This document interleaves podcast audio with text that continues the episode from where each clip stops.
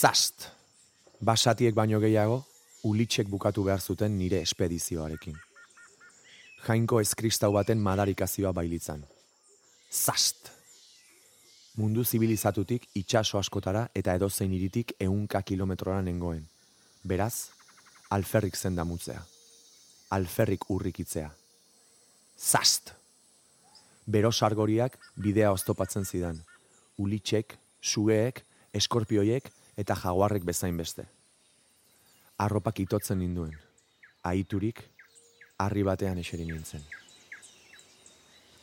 Izerdia idortu nuen zapiarekin eta urontzia atera nuen. Urontziaren azken tanta isuri zen nire espain idortuetara. Kakazarra! Etxiturik, metro batzuk aratago jaurti nuen urontzia. Asperen gogogabetua egin nuen. Junglako bero sapa gupidagabeak beste kolpe bat eman zidan. Zorabiatuta, larruzko zorroan sartu nuen eskua, ahoratzeko zerbaiten bila. Uakoa ukitu nuen, nire zorigaitz guztien sorburua. Zeramikazko pieza atera nuen zorrotik eta inguratzen zuen oiala ireki nuen. Artelanari behatu nion, luze begiratu ere. Felazio lotxagabea irudikatzen zuen motxika kulturako buztingintzako maixulanura lehenengo aldiz ikusiko banu bezala. Francisco de Toledo errege ordeak eta bere sacerdoteek emandako bete beharra etorri zitzaidan burura. Sodomia praktikatzen duten basatiak sutzarraren gar arazgarrietan zigortuta, agindu omen zuen Toledo errege ordeak. Sodomiara eta masturbaziora bultzatzen duten artefaktuak desegin behar dira. Agindua argia zen. Ohartu orduko, felazioak, ipurdiko sarketak eta ordura arte imaginatu ezin dituen sodomia formak irudikatzen zituzten zeramikazko artelanen artean ikusi nuen nire burua. Iparraldeko motxika eta tximu kulturakoak batez ere. Lana erraza zen. Errege biltegietan pilatzen ziren ehunka pieza mailu batekin lertu eta txikitu egin behar nituen. Kolpez kolpe, jo eta ke zibilizazioa salbatzeaz gain nire harima ere arrisku trinko batetik askatzen duela sentitzera ailegatu nintzen. Esan bezala, lana erraza eta sinplea zen, baina deabrua azpijokoen maixuen maixua da. Eta luze gabe, artera nahietan irudikatzen ziren jarrerek nire harreta bere ganatu zuten. Jakin gozez, uako bat hartu nuen eskuartean, nahi gabe baina harreta aztertzeko iguingarria zen. Nazkarpegia jarri nuen. Baiki, basatiek ez zuten salvaziorik. Nori bururatzen alzaio gizon batek beste gizon baten zakila zurrupa dezakela? Basapizti bati baino ez, inolako zalantzari gabe.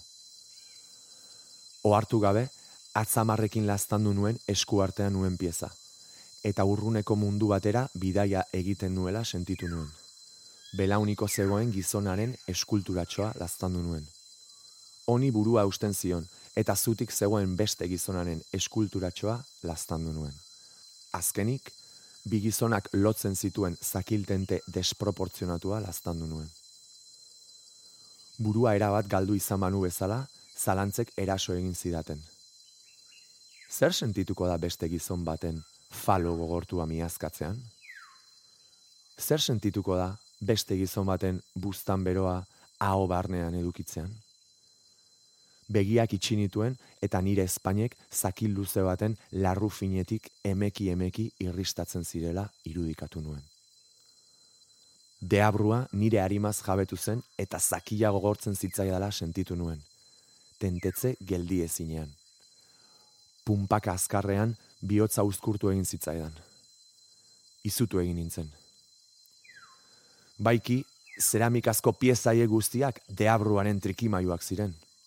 Asaldatuta, maiuarekin artelanak kolpatzen eta txikitzen jarraitu nuen.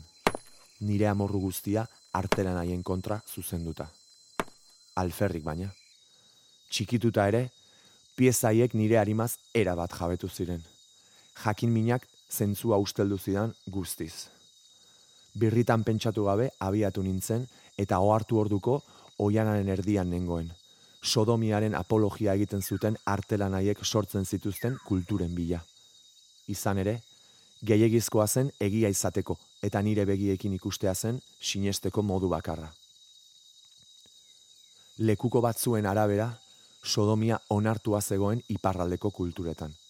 Edo are gehiago, zenbaitetan jainkoen aurreko kultu ekintzatzat hartzen ziren deabruaren praktika haiek. Ezin ezkoa zen, gehiagizkoa egia izateko.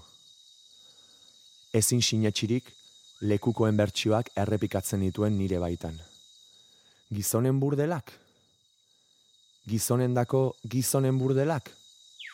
Posible ote zen? Pampairunak deitzen omen ziren zerbitzari seksualaiek. Ezin nuen sinetxi, eta jakin minak gidatu zituen nire ekintzak. Nire ekintzak eta nire urratsak. Junglaren barrenera gidatu ere.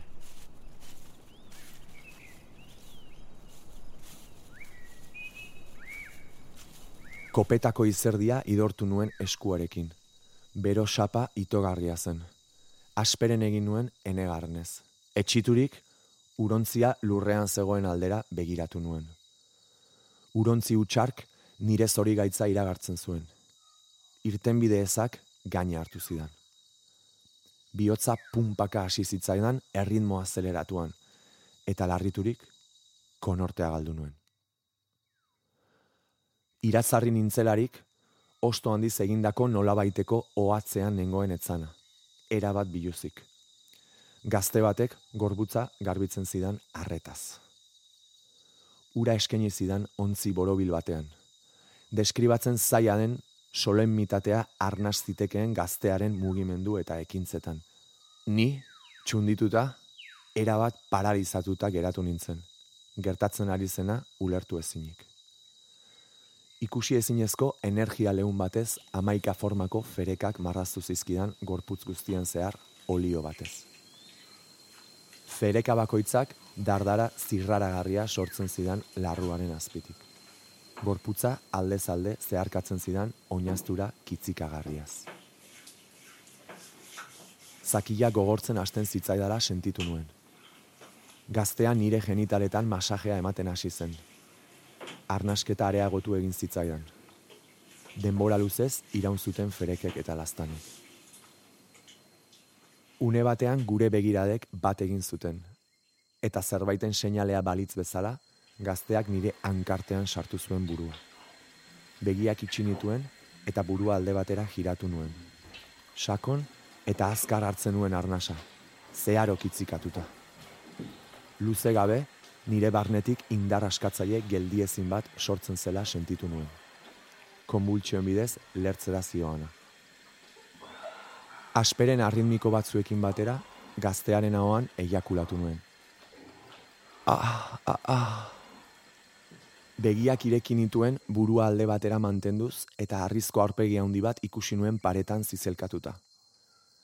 Begi handi haiekin gertatua zenaren lekukoa izan zen jainko pagano ura. Bat batean, jainkoaren arpegi estatikoak izutu egin ninduen eta beldurtu egin nintzen. Burua giratu eta gaztean nire gainera amiltzen zela ikusi nuen. Jadezko nabala bat eskuan nire hasia ahotik dilindan zuela. Ebaki garbi eta azkar batez, bihotza lapurtu zidan panpairunak. Eta ahoan zuen espermaz blaitu ondoren, paretako jainkoaren aldarean utzi zuen eskaintza.